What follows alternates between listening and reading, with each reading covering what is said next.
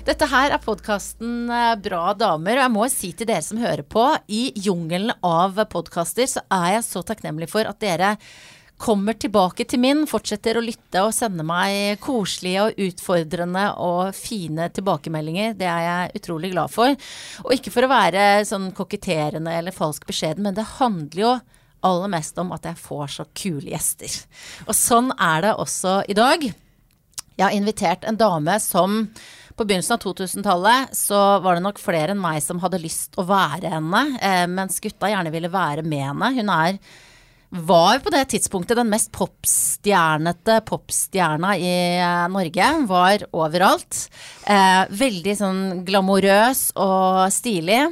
Og nå har jeg for fem minutter siden tatt imot eh, henne i full Hun hadde full regnhabit, sykkelhjelm, fjellstøvler og så ekstremt sporty ut. Og nå skal dere gjette hvem det er. Lise Karlsnes, eh, god morgen til deg. God morgen.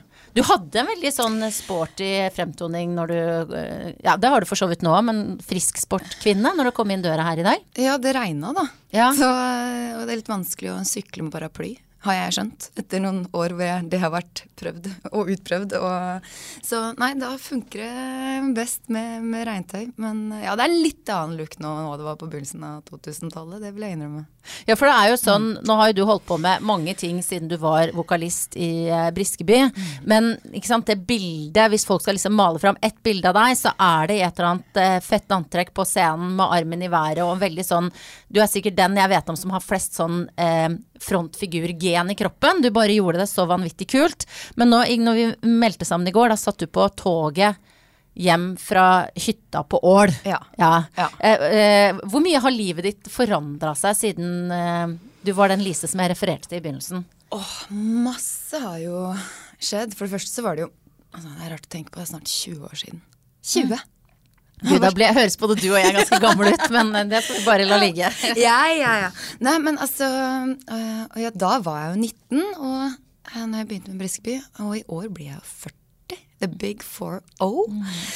Uh, så nei, det har jo vært uh, uh, livet, da, som har skjedd med sitt, sine oppturer og nedturer og motstand og flyt og alt hva det innebærer. Og nå har jeg, føler jeg at jeg har landa ganske godt. Jeg syns det blir fint å bli 40, og jeg syns det er spennende med alt jeg veit og alt jeg ikke veit. Det er sånn her den klassiske 'jo mer jeg veit, jo mindre kan jeg', eller mm. den Ja. Vet jeg ikke helt åssen det proverbet der eh, går. men eh, Og så begynte jeg jo i en alder av eh, 37 å studere for første gang. Eh, så det er litt sånn eh, aldri, aldri for seint for å gjøre noe som helst. Heller ikke ta jegerprøven. Så det er litt sånn Ja, har du tatt jegerprøven? Nei, nå jeg skal. Ja. Jeg var ute på jakt i, i helga, litt sånn som eh, eh, Hva er det Ikke børsebærer, ikke bøssebærer, Ja, som det er. ja.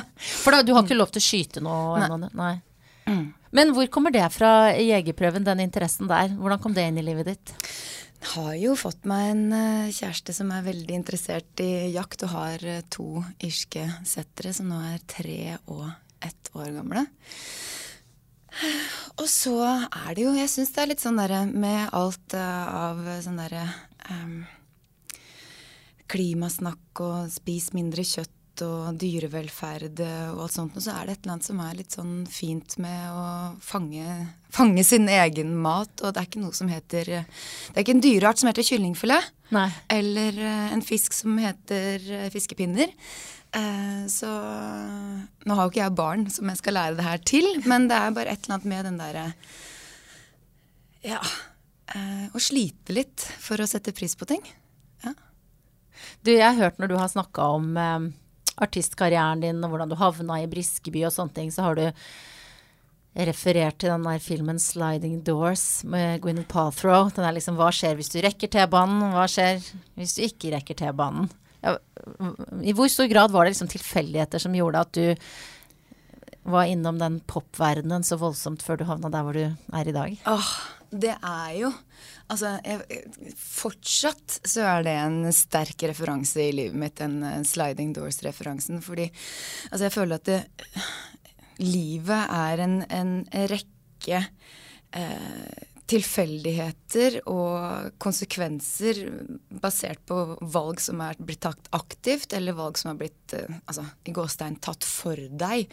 Eller ting du bare litt sånn snubla inn i. Og da kan du si at jeg har snublet inn i det, men på et eller annet tidspunkt så valgte du å ta et valg som gjorde at du havnet i den situasjonen. Mm.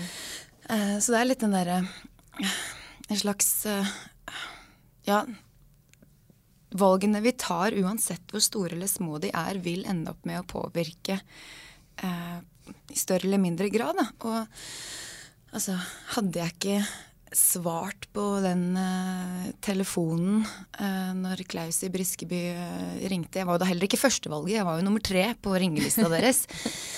Første svarte ikke, og nummer to skulle til Paris og studere, og jeg var litt sånn derre Ja, yeah, kan jeg godt Altså tenkte ikke noe mer over det. Hadde spilt i band siden jeg var 13-14 og syntes at det var gøy med sang og musikk, men at det skulle bli en karriere over så lang tid, hadde jeg vel ja, aldri sett for meg. Men en ting er jo det, det, det musikalske ved det, som du helt uh, åpenbart uh, digga siden du var så god på det. Men en annen ting er jo alt det der rundt. Altså dere var jo Jeg husker dette veldig godt, fordi dette var på et tidspunkt hvor jeg begynte å jobbe i radio. Uh, og jeg husket det, jeg intervjua deg, og du har spilt live på P3-sendinger og sånne ting. Men det var jo ikke det eneste stedet dere var. Dere var liksom overalt, ganske sånn massivt. Selv om dette her var før liksom, sosiale medier og sånn, så var dere sånn overalt. Um, og du var jo 19 år. Mm. Um, nå er du jo eh, nærmere deg 40, en reflektert kvinne. Hvis du sånn, eh, ser tilbake på de opplevelsene du hadde, hva, hva gjorde det med deg? Uh, nei, det er altså Jeg tror uansett om uh, jeg var 19 og fikk mye oppmerksomhet uh, den gang da vi ikke hadde Eh, sosiale medier Vi hadde jo nesten ikke internett, følte jeg. Nei, det var vel omtrent da vi begynte å maile, liksom. ikke sant. Nei, så vi hadde jo eh, Altså, YouTube fantes jo ikke, Spotify fantes jo ikke. Altså, Facebook var vel knapt påtenkt, eller et eller annet. Så, eh, sånn sett så var jo Tidene var jo annerledes. Og du kan si at trykket var annerledes også. Hmm, hva skal jeg si? Nå forsvant jeg litt i min egen refleksjon. Hva var spørsmålet igjen? Jeg lurte på hva det gjorde med deg. Hva det gjorde med meg? Ja, nei, det er jo ganske voldsomt for eh, Jo, sånn! Der! Nå er jeg her. For, eh, for 19-åringer, uh, uansett hvilken tidsalder, å få så mye oppmerksomhet. Jeg tror at det var jo i en sånn I hvert fall i en årsperiode når vi hadde sånn singel- og albumslipp ganske tett i tett, hvor det, det sto vel nesten noe om oss, i hvert fall ukentlig, om ikke innimellom daglig, i ulike fora rundt forbi. Så det var jo blei jo ganske heftig, og den derre ytre påvirkningen og den der verdisettingen, at det hva andre syns om meg, ble på en måte det jeg syns om meg sjøl òg heftig uh, greie å bære for en, uh, for en ung, uh, ung, sjel.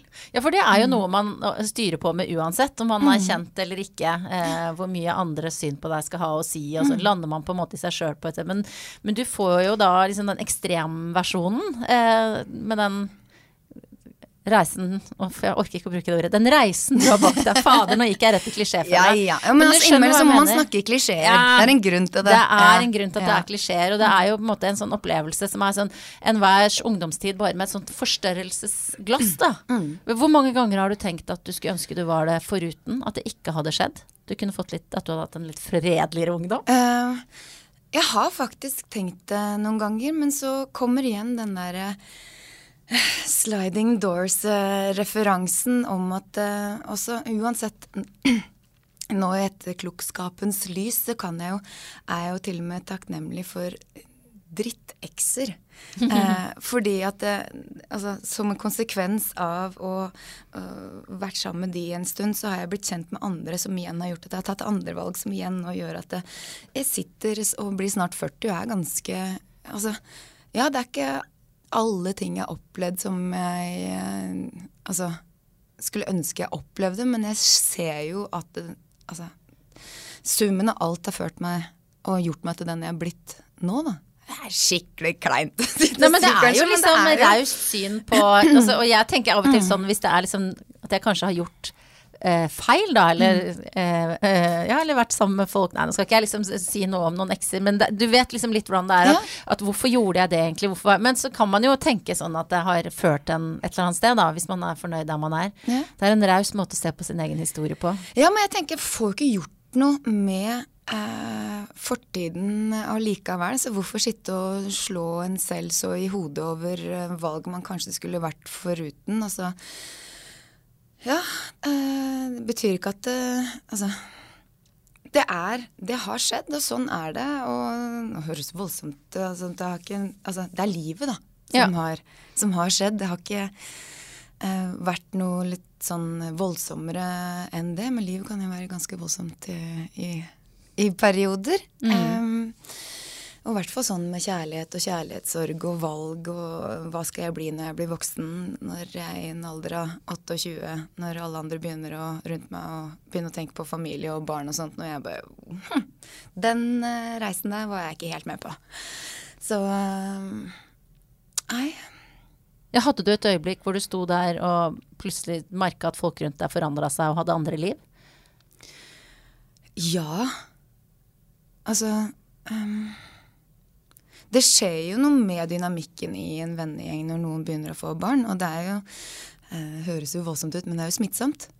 det er liksom akkurat som at eh, Hvis én har begynt, så er det på en måte sånn, der, sånn tillatelse til andre som kanskje har sittet og venta litt. Ja, men da gjør vi det òg. Så Ja. gjør vi det sammen. Ja. Og så eh, Og det var jo en stund jeg også tenkte eh, at eh, jeg hadde lyst til å bli eh, mor eh, og skulle ha barn. Men når jeg ser tilbake på det nå, så er det de gangene jeg har kjent at eh, jeg hadde lyst til å bli mor, da, er de gangene jeg enten ikke har klart å fylle livet mitt med nok mening selv, eller at jeg har vært i et forhold hvor det har kanskje skranta litt, og jeg tenkte ja, men det er bra.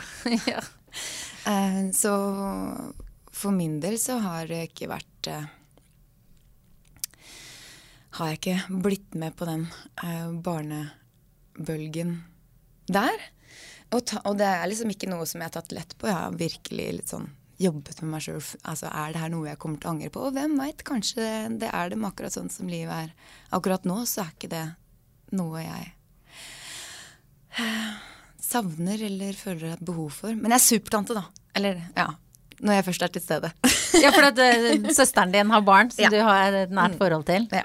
Men dette her med liksom det å bli barn og, sant, og den alderen som du er i nå, er det, er det et spørsmål du får ofte? Må du, må du på en måte forsvare valget ditt, eller forklare det for mange?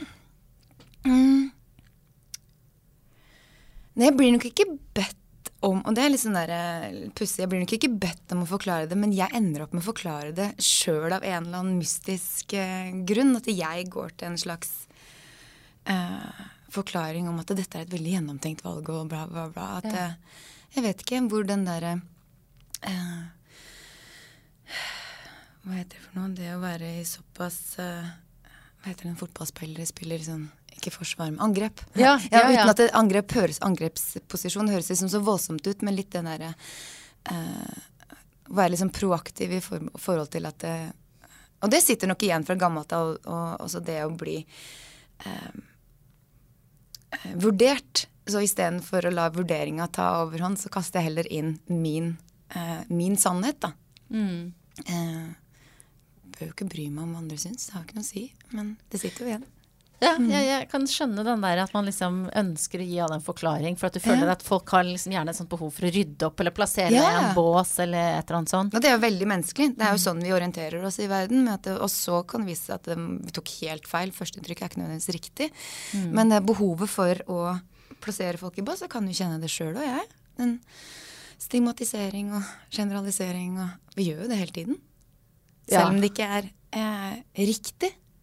Ja, for det er jo spørsmålet du nevnte så vidt i stad, og Mm. mange vet også at du da eh, i en alder av 37 år begynte å utdanne deg. Du er, du er nå ferdig, eh, Du, jeg går på siste året. Gestaltterapeut. Gestaltterapeut. Som er en form for psykoterapi.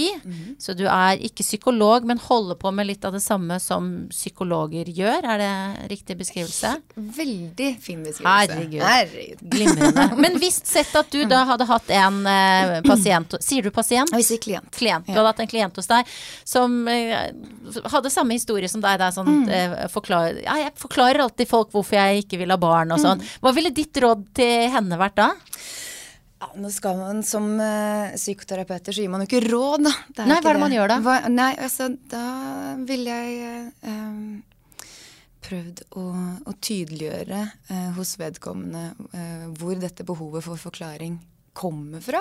Eh, for, ikke sant? Og det er litt sånn der bakerens barn og, og, Mm, ja, ja. og veldig lett å, eh, å se andre, men ikke nødvendigvis alltid så lett å se det som er en nærest, som er en selv. Eh, men det er litt det der å tydeliggjøre eh, eh, hvor behovet kommer fra, og om det her er noe eh, vedkommende gjør mye, eh, om det er overførbart andre eh, ting eh, i livet hvor eh, man føler at eh, man har behov for å være i, i forkant av det å bli, eh, bli dømt. Men det er også noe av det som er kanskje sårest for oss mennesker, det å bli dømt på ja, uten å egentlig få lov å ja, forsvare, forsvare oss. Eller forklare. Forsvare, forklare. Det litt sånn, henger litt sånn uh, sammen.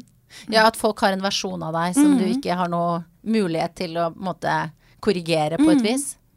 Og det er jo akkurat den greia. Der er jo det som har eh, eh, Som var når, når jeg i sin tid eh, Når det den der strået som ble for mye for kamelen, holdt jeg på å si. Veldig dårlig oversettelse av eh, et engelsk uttrykk. The straw that broke the camel's back, liksom. Strå som brakk ryggen til kamelen. Um, men ja, når det ble litt sånn uh, voldsomt i denne Briskeby-perioden, så var det nettopp det, det derre det å føle konstant Det var jo ikke nødvendigvis sånn at det var en konstant strøm av det, men jeg følte det. Den derre vurderingen, det å bli dømt, eh, og det å dømme meg selv også. Altså Hvis noen dømte meg, så dømte jeg meg sjøl i hvert fall ti ganger hardere. Eh, så eh, altså den greia der er jo også veldig Som sånn fremdeles gjenkjennbar, men ikke like, kan du si, sånn eh, dagsaktuell lenger som det det var. Men det er jo noe jeg har erfart som jeg sitter Som jeg ja, har på en måte plassert, da. På en måte. Ja, og hvordan klarte du å plassere det, eller å på en måte bli litt sånn mer fri fra den type Masse bedømmelse? terapi. Ja. ja. Og det som er fint med, med studiet også, er jo det at uh, um, Som jeg syns er veldig fint, uh, er det at uh, i løpet av disse fire årene jeg går på studiet, så må jeg ha 70 timer egenterapi selv. Og erfare også hvordan det er å være eh, klient i et eh, terapeut-klient-møte. Noe som jeg tror er sånn alfa omega for å kunne sette seg inn i hvordan det er for andre å sitte på andre siden og skulle gjøre seg sårbare og spørre om hjelp. Og, og litt sånn for at jeg i møte med da, klienter hvor jeg kan kjenne meg igjen i deres erfaringer. At jeg ikke forsvinner inn i en historie som blir min og ikke deres, da. Så nei. Hva syns du er det mest krevende med det der å skulle gå i terapi selv? Um, nei, ikke sant. Nå er jeg jo eh, også en eh, entertainer. Så det er litt det å ha noe å komme med. Ja. Hva skal jeg levere i dag, liksom? levere i dag? Og, Ja. og det er jo ikke Altså, det er jo eh, i perioder hvor det er mer sårbare ting som, som dukker opp og sånt noe. Og så andre ganger så er det jo bare fint å, å snakke og reflektere. Og jeg kan snakke fag med terapeuten min eh, og sånt nå også. Men det vanskeligste med å gå i terapi var vel det å, å stole på den der taushetsplikten. Eh, og det å tørre å si høyt eh, eh, Snakke høyt om de der mørke eh, tankene eller de der eh, tingene som dukket opp i hodet. Måten jeg kunne snakke til meg selv, men som jeg aldri ville funnet på å si høyt til noen andre. Sånn, altså det er litt det derre Hvor stygge kan man være med seg sjøl? Alle sånne ting, Hvordan man snakker seg sjøl ned. Men man ville aldri funnet på å si noe sånt til en fremmed, og i hvert fall ikke en venninne. Eh, eller eh, ja, en kompis, for den saks skyld. Så det er litt sånn eh, det er liksom det, er, det skjer noe med oss når vi sier ting høyt. Eh, en man kan høre at Nei, dette Altså, oh, det var jo kjempevoldsomt. Er det sånn jeg har hatt det? Det er ikke rart det at jeg er sliten eller at ting er vanskelig, eller noe sånt noe. Eller, nei, men, eller noe annet hvor du sier men det er faktisk ikke sant. Og så har jeg drevet fortalt meg sjøl det her i så lang tid. Åh, det er godt å egentlig bare si det høyt og bare slippe det. Men, men den følelsen av å si det høyt første gangen kan jo være ganske skummel, da. Eller veldig skrev... sk- Ikke skrevende. Skremmende. Skremmende og krevende. Skremmende og krevende. Skrevende. Altså, jeg er med på den. Uh, Freudian slip. Mm. Så da- du, terapeuten må ikke gå inn i hvor den, hvor den slippen kom fra. Men, eh, men eh, hvordan har du opplevd det? Eh, var det krevende, eller husker du følelsen av den første gangen du på en måte satte ord på noe som du bare hadde hatt inni, ditt, eh, inni hodet ditt? Jeg kan ikke, litt så, jeg kan ikke huske um, um, hva det nødvendigvis handlet om, eller når det var eh, Men det var vel typ sånn fire år siden, da. Men uh, jeg bare husker den følelsen av at eh, tidligere, når jeg skulle snakke om noe som var eh, sårt eller noe sånt, da, så klarte jeg ikke å sette ord på det, det før eh, tårene måtte komme først. Det var akkurat som at jeg var en sånn trykkoker. Mm. hvor for å kunne sette ord på det, så måtte jeg grine. Og det var sånn derre Jeg griner ikke fordi det er noe hersketeknikk, eller fordi det er liksom Det er bare det, er det som kommer først. Eh, og litt den derre eh, Fordi at det, vi er så gode på å liksom holde ting nede og ta oss sammen og svelge unna. Og når vi har gjort det der nok, tatt oss sammen lenge nok, så, så blir det en sånn Kan det være en sånn liten ting som bare blir for mye, for at sårheten ligger liksom så høyt oppe. Um, så nei, det er liksom godt å ha liksom åpna de ventilene, så det er liksom litt mer flyt og ikke like høyt trykk inni kokeren. Og så er det jo ikke bare fordi at jeg nå har studert det og gått i terapi at sånn at den Så nå er jeg så zen. altså, mm, åssen ja, Men jeg har det helt Jeg er så i vater. Altså, gud bedre, jeg dukker opp ting hvor jeg bare Væ!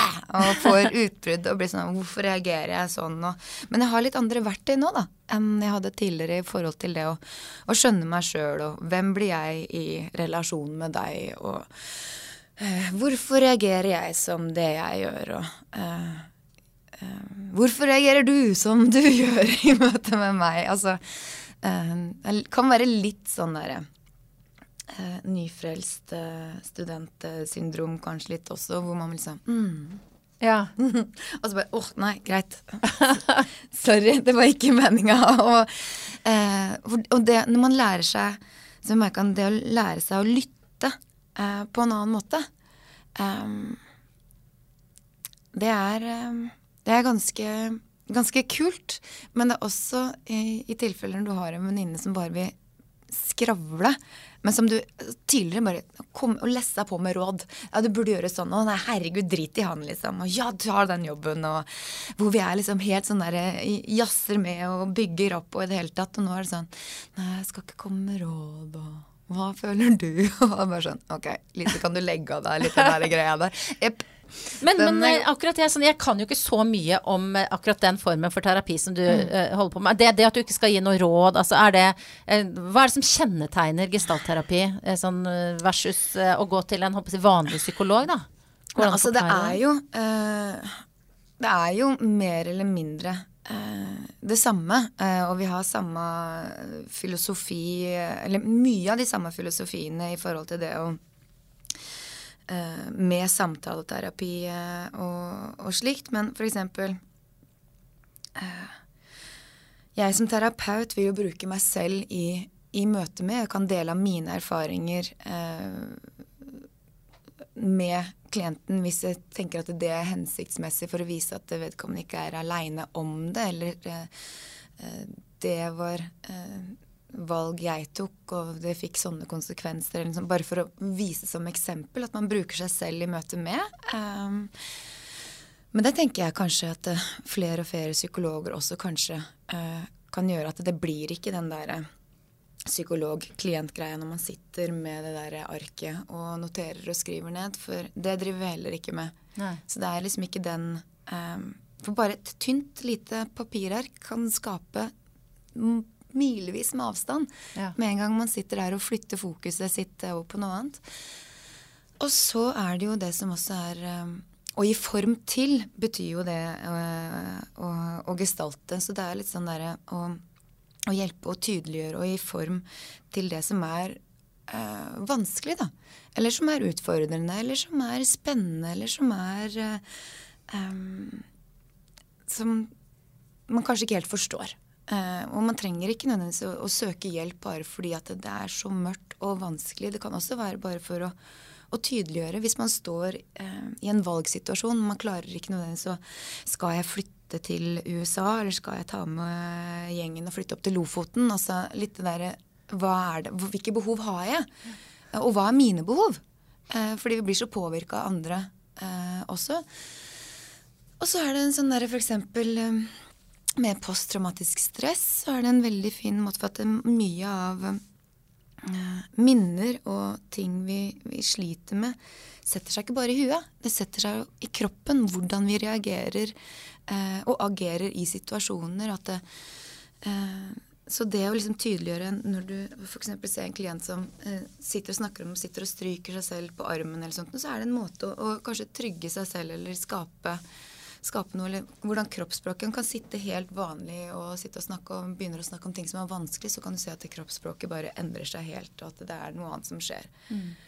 Og det er også sånne ting som man plukker opp på, og da kanskje sier at Nei, jeg ser når du snakker om dette, så merket jeg at du altså, endret litt måten du snakket på, og måten du satt på. Er det noe Sånn betydeliggjøre, da, underveis. Jeg syns det er helt magisk. Jeg syns det er helt Kjempespennende. Nydelig. Ja, og så viktig. Og så syns jeg det er så fint at eh, det nå er mer fokus på at det ikke skal være like stigmatiserende å søke hjelp. Um, og fordi jeg husker når jeg, gjorde det sånn i rundt 2003, når det plutselig ble litt for mye, så var det sånn Skal du psykolog? Altså, er du helt sjuk i huet, eller? Jeg bare Nei, jeg er ikke helt sjuk i huet. Jeg bare Jeg trenger litt hjelp for å sortere sortere ting. Det var sånn, ta deg en tur i skauen, da. Så ja, det er mye bra i det å bruke kroppen og være i bevegelse og alt sånt, men det alene er ikke nødvendigvis det som løser ting når ting blir eh, ja, butter litt imot i perioder. Men var det, det, det din egen positive erfaring med å gå i terapi som gjorde at du tok det ganske livsforandrende valget der, da, å gå fra eh, artist til eh, terapeut? Eh, nå gjør jeg jo begge deler. Eh, så, men ja, det var jo selvfølgelig det at eh, jeg syns den hjelpen jeg selv hadde fått i sin tid, virkelig hadde hjulpet, hjulpet meg. Og så var det det at jeg syns Jeg hadde behov for å flytte fokus litt bort fra meg og mitt og mine mine liksom behov. Jeg hadde, hadde lyst til å utfordre meg selv på en annen måte og alltid syntes at eh, hvordan vi interagerer og hvordan vi uh, samhandler som uh, mennesker er kjempespennende. Og så bare tenkte jeg Nå er vel tiden kanskje inne? Ja. Mm. Litt den der, Og da hadde jeg brukt noen år før på å sånn tenke sånn Hva skal jeg bli når jeg blir voksen? Jeg ser ikke for meg å bli Tina Turner. Eh, så ja. Mm. Men eh, som du sier, så er det jo ikke sånn at du er ferdig med å være artist. Eh, har du vært i sånne store suksessforestillinger, både hylle Jahn Teigen og hylle The Beatles. Jeg ser for meg liksom ja, Hvor mange dager i uka er det du har stått på scenen da? Det er ikke hver dag? liksom Fire dager i uka eller noe sånt? Og så, Ja. og så har du vært på og vært terapeut de andre dagene? Eller student? eh, Student terapeut? og terapeut, og så Altså, jeg er sånn potet. Altså voicer eh, tegnefilmer eh, og DJ-er litt. Og sånn sett så syns jeg har en ganske sånn uh, spennende jobb. Eller sånn ja, jobber. Eh, at det er såpass mye forskjellig. Men så er det jo også litt den derre en eh, lodd eh, man bærer som selvstendig næringsdrivende. Det å liksom Jeg må si ja til alt av jobber, for jeg vet ikke når neste jobb kommer. Eh, men litt det derre å ha en ro på at eh, Å ikke måtte gjøre alt, da. Den Ja. Den er litt sånn god, god å kjenne på. Eh, og sånn sett så er det fint å ha eh, flere ben å stå på også. Ja, og du har jo da også vært del av en bransje som i eh, enda større grad enn andre bransjer er et sted hvor du evalueres og vurderes hele tiden etter det siste du har gjort, og er det bra nok, det er forventninger, det er en, igjen en sånn ekstremversjon av mange andre jobber, kanskje. Føler du fortsatt at du er del av det eh, prestasjonskjøret, eller hvor, i hvor stor grad kjenner du det på kroppen nå? Um, kanskje ikke like uh, stor grad. Altså, det, det var vel absolutt mest voldsomt sånn eh, rundt uh, den derre soloperioden når jeg skulle Begynte sånn i 2008 å skrive musikk, og hadde jo et par album ferdig som jeg tok med til Universal, og de ville gi ut, og som jeg bare kasserte, for jeg var Jeg turte ikke å gi fra meg eh, musikk. Jeg syns det var for skummelt å skulle stå på, på egne bein. Og når jeg først eh, gjorde det, så var, jeg, så var det sånn derre Nå! Nå skal det Nå! Nå smeller jeg til, og nå, nå skal det liksom gå veien. Nå, nå tør jeg. Og så bare Nei. Og når det da ikke gikk sånn som eh, jeg hadde sett for meg, så ble jo det en um, Ja. Tok litt sånn derre det gøye ut av det å, å lage musikk. Og sånn som det når jeg fikk tilbud eller ble spurt om jeg ville gjøre den der Beatles-forestillingen eh, sammen med en hel gjeng med folk som jeg aldri har stått på scenen med før, så var jeg sånn oh, ja. Og ikke måtte bære trøkket sjøl. Og kunne liksom være med i et team og jobbe av og med hverandre. Det syns jeg var uh, gøy. Så jeg er vel mer en bandjente Ja. enn uh, en soloartist. Uh, og sånn sett så tenker jeg også at for min del så var det jo veldig fint å få lov til å være en del av en enhet når jeg sto på som verst i begynnelsen av Briskeby-karriera også. Var ikke der aleine. Men når jeg ser tilbake på den eh, tida, og jeg sa jo det liksom flåsete at vi jentene hadde lyst til å være der, og guttene hadde lyst til å være med deg, og ikke sant. Og jeg må jo presisere som eh, en eh, feminist og eh, liksom Jeg har en podkast som heter Bra damer, at det handler jo først og fremst om at du er en veldig talentfull dame. Men det er jo ikke til å komme, tilba- eh, komme unna at veldig mye handler også om hvor deilig du er. Og det er jo Det er du jo. Men, men liksom men altså, jeg tenker på det at det var jo veldig mye, og igjen, du var ung. Det derre kjøret på eh, liksom eh, kuktåka som lå i rommet, hvor eh, liksom hvor hot du var. Altså, det var veldig, det var veldig mye som handla om hvordan du så ut. Eh, eller sånn opplevde jeg det utenifra. Ja. Da. Hvordan var det fra innsida for deg? Um, altså, det var jo et mål å synes. Altså, Hvis ikke så hadde jeg ikke tatt på meg en rød skinndress på Bylarm. Uh, men jeg hadde jo aldri i verden forventa at den skulle få så mye eh, oppmerksomhet. Og det var jo litt sånn derre eh, Skal du først stikke deg frem, så gjør det eh, ordentlig stå breibent og opp med armene i været. Det er ikke noe vits å stå på en scene og be om eh, tillatelse. Og det var jo litt den derre Eh, ja, gutta i bandet òg var litt sånn der Finn den indre Freddie Mercury. Jeg bare OK, greit, skjønner. Eh, så eh, det som var intensjonen, ga jo absolutt resultater. Men så er det jo sånn med alle ting at det kan jo bli for, eh, for mye av det gode eh, på et eller annet tidspunkt allikevel. Men altså, vi var jo veldig innstilte på å stikke oss frem og ikke be om tillatelse. Så ja, fikk til det, da. Ja, absolutt. Eh, og, det, og det er jo noe med Det kommer jo fra et, liksom et Ja, jeg kan se for meg at du hadde Freddie Mercury som din eh, indre spirituelle Ja, my spirit guy. animal, ja. ja. Men, men uh, opplevde du det noen gang som en, liksom, en tung bør å levere på? Å skulle være hun heite? Ja, men jeg, vet ikke om, om Det var liksom ikke nødvendigvis hun heite, men hun derre mystiske, utilgjengelige. Ja, det er sant. Eh, det var liksom nesten litt mer, mer den, og den ble også et resultat av, uh, av det å være litt uh, usikker òg. Så istedenfor å være imøtekommende og til stede, så var det mer sånn uh, Det ble en beskyttelse like mye som et image, da enn det å holde folk litt sånn cool på armlengdes uh, avstand. Men det var jo også for at det er sånn Jeg er ikke uh, uh, Dette blir for uh, mye, og hold dere unna, liksom. Så det beskytta deg litt, den mm. der mystiske Veldig ofte solbriller på bilder. Jeg Har sett noen jeg googla det. Mye, mye solbriller eh, på bilder. Glad i det. Ja. ja. Mm. Men er, for det er jo ofte sånn Nå er det jo veldig mange som uh, ikke bare altså Pga. Nils Brenna og Harald Eias glimrende podkast hvor de tar denne big five personlighetstesten, mm. så i hvert fall jeg begynt å tenke veldig sånn Er jeg ekstrovert? Er jeg introvert? Ikke sant? Det blir sånn.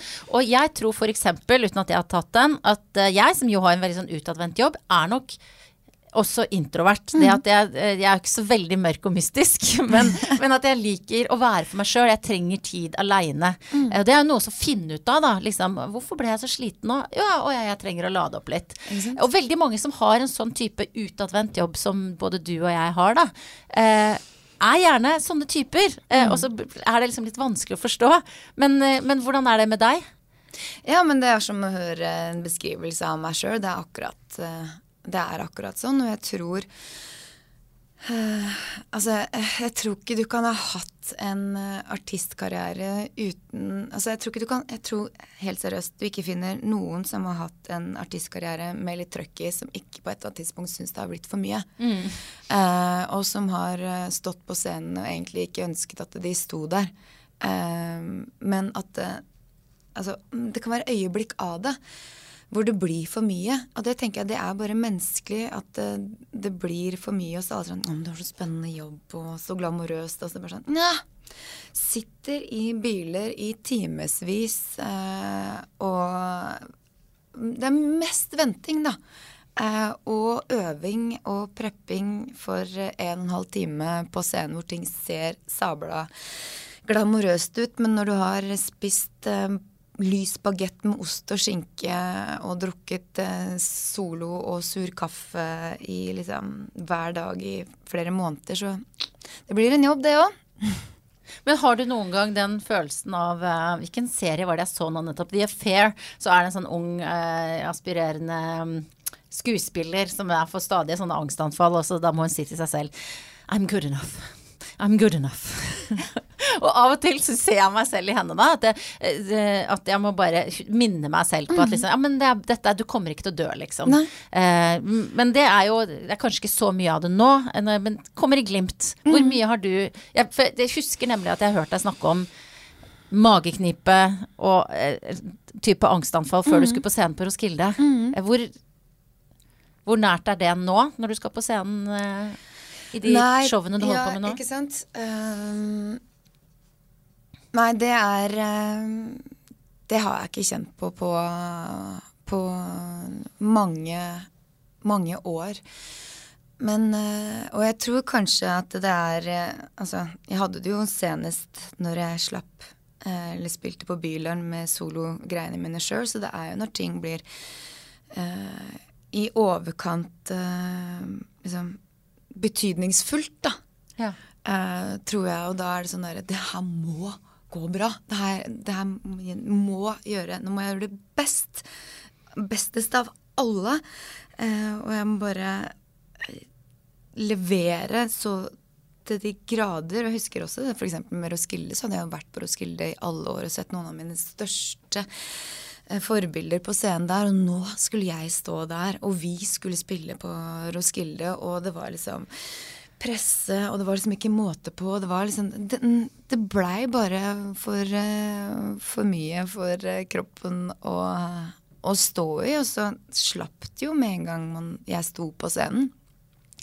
Du, når du kjenner at ja, men dette her går, dette er ikke noe stress. Men det er sånn rart hvordan kroppen bare ja, som igjen, da, hode, kropp, det henger sammen, hvor du kan faktisk gjøre deg sjøl sjuk av å være nervøs og av forventninger til eget eh, Ja, til eh, egen varelevering. Men når du, da, når du da føler at det ikke sånn som med, med solokarrieren din, som du sa, at det liksom ødela litt gleden over å lage musikk og sånn, ikke sant. Du går på en sånn en slags kreativ smell, da. Sånn, eh, hva gjør du da for å komme deg eh, videre fra det, eller for å bygge deg sjøl opp igjen? Sier du 'I'm good enough'? Ja, ja good enough. ikke sant? På engelsk. Uh, på engelsk. Uh, ja, men det er litt det derre og, og jeg tror det er litt sånn eh, Nok en klisjé, da, men litt den derre 'youth is wasted on the young'. Litt sånn Ja. derre Hadde jeg bare visst når jeg var eh, 20 det jeg veit nå, herregud, så mye lettere ting hadde vært. Um, men samtidig så hadde jeg jo ikke man, man kom, Jeg kom jo hit av en grunn, og det var på grunn av de åra som, som var der òg, med den livserfaringen som som skjedde, eller som jeg har erfart, da. Og absolutt, i perioder så er det sånn Ikke døm deg sjøl så hardt. Ikke vær så um, Vær litt mer raus med deg sjøl. Ja, ok, så er det kanskje ikke perfekt, men er det bra nok? Ja. Ok, ja, men fint. Ja, du, ok, du veit at du kan gjøre bedre. Hva er grunnen til at ikke du har gjort det optimalt? Ja, men ok, du har kanskje ikke forberedt deg like mye, eller Nei, men da Ok. Det er, eh, men da var det sånn det blei. Så får du gjøre det annerledes neste gang. Og prøve å være litt mer raus og ikke smekke seg sjøl på hånda eh, hele tiden. Vi er så innmari gode på å være raus med andre. Ja, det er jo helt, uh, helt slående det der, Ja. altså. Hvordan man er uh, Ville jo aldri oppført seg sånn mot noen man var glad i. Nei. Så det er Men det er vanskelig å få til likevel den der aksepten, da. Eller Vet. bare sånn Dette er bra nok. Dette er bra nok. Ja. Men man må bare Jeg tenker ofte med denne podkasten, som Mm. jeg gjør ganske jeg har, gjør det ofte, sånn at eh, eh, det er jo ikke alt som er like bra. Mm. Men når man gjør det ofte, så tenker jeg ja ja, det var et helt eh, greit intervju, det. Ja. Men det får duge. Eh, og det er en fantastisk følelse. Ikke sant? Så jeg anbefaler folk Ah. at liksom, Mengdetrening er Ja. hvor du liksom legger lista Altså, jeg, det er dere som hører på, jeg prøver virkelig å lage bra podkast, men jeg har ikke i meg til å bare lage bra ting. Og da er det så deilig å bare si Nei, det sånn ble det denne gangen. Jeg var der, jeg gjorde så godt jeg kunne, og det var det jeg hadde. Ja. Så man kan, eh, man kan øve seg. Ja, men jeg tror det er dritviktig å altså eh, å, å tillate seg selv å ikke være eh, best hele tiden eh, også. At det, for at den, hvis man ikke får det liksom, Hvis man ikke tør å teste, så får man i hvert fall ikke testa hvor bra det kan bli. Nei, det er sant. Altså Ja, men altså Gjør Altså hva, Jeg vet jeg har ikke noen bilder på å sammenligne, men det er litt sånn derre Gjør det, og plutselig så sitter det. altså det, Ja. Det var ikke visdomsord fra Karlsnes, Jeg akkurat til, der, men kommer til å klippe ut dette her og sende sånn Gjør det! Plutselig Gjør så sitter det. Fy fader, altså. Du Lise, jeg pleier å spørre alle gjestene mine om de kan ta med seg et eller annet Mm. Ja. som kan si noe om hvem de er. Ja. Eh, eh, og du har med et bilde av dingsen. Ja, fordi det er en dings som jeg har med meg hele tida i eh, veska. Og nå når jeg skulle finne fram, så jeg, hm? Skjønte jeg ikke helt hvordan den har blitt av. Så jeg tror uh, Ja, det er Ja. Så jeg måtte bare ta en, Du må vise en hva det er. screenshot Ja. da, av uh, said thing.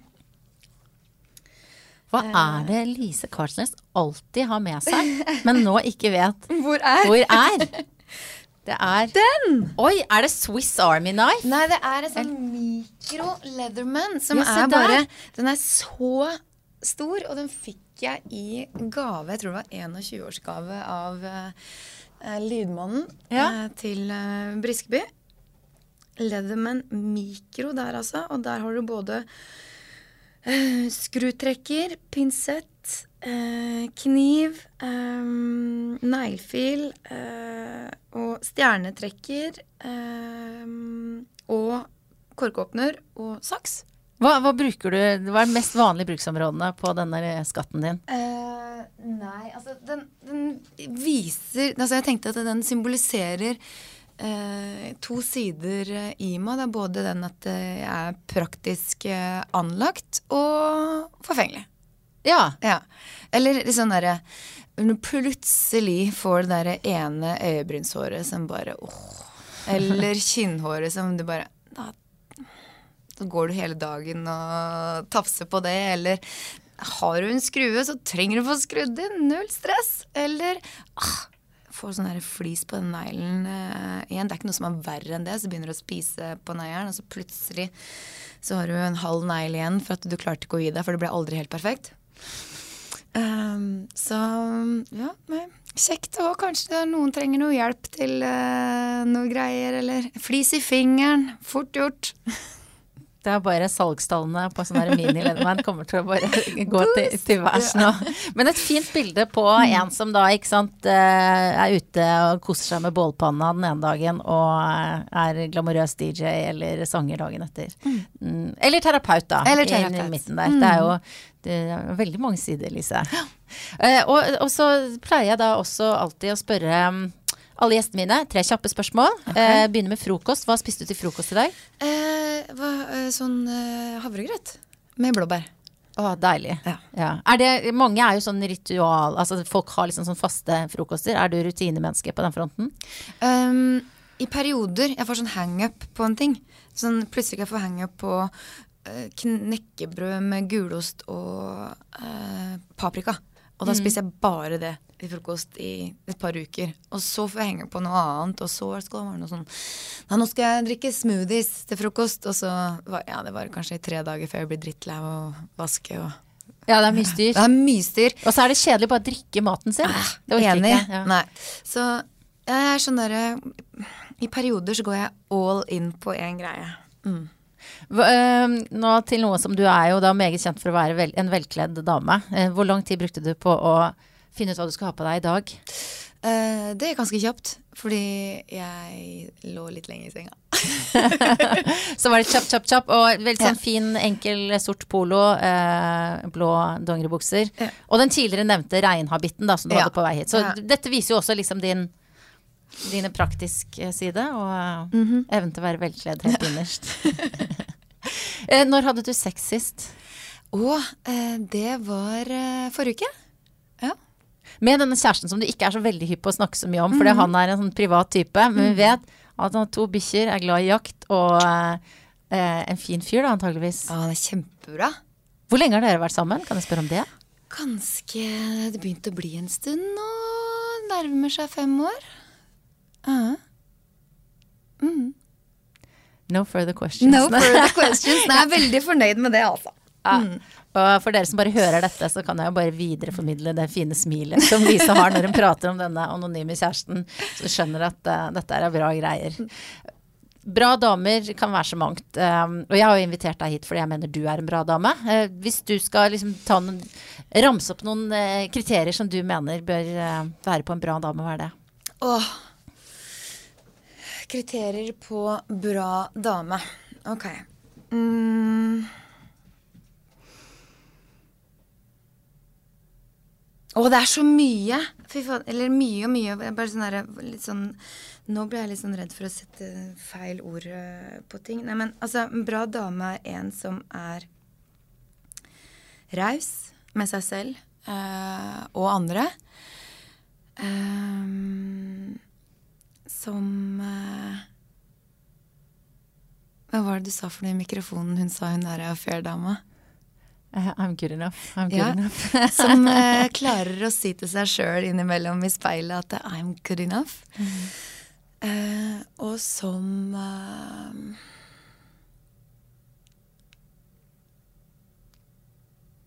ah, Skal jeg si en tredje ting? Det føles liksom at ting kommer i tre, på en måte.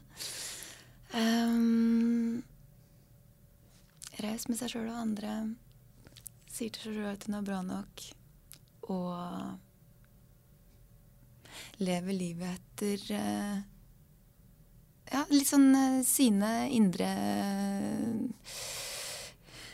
Indre premisser. Ja. Mm. Og det føler jeg at du gjør. Ja. Føler jeg egentlig at du gjør òg, selv om ikke jeg intervjua deg. Ja. Det får være neste gang at jeg kommer i terapi. Og det kan være gøy vi kan ta bra, andre bra damer intervjuer deg. Ja, mm. gøy det. Særlig hvis vi tar en sånn psykoterapitest på det. Ja. Tusen takk for at du kom, Lise. Bare hyggelig. Tusen takk.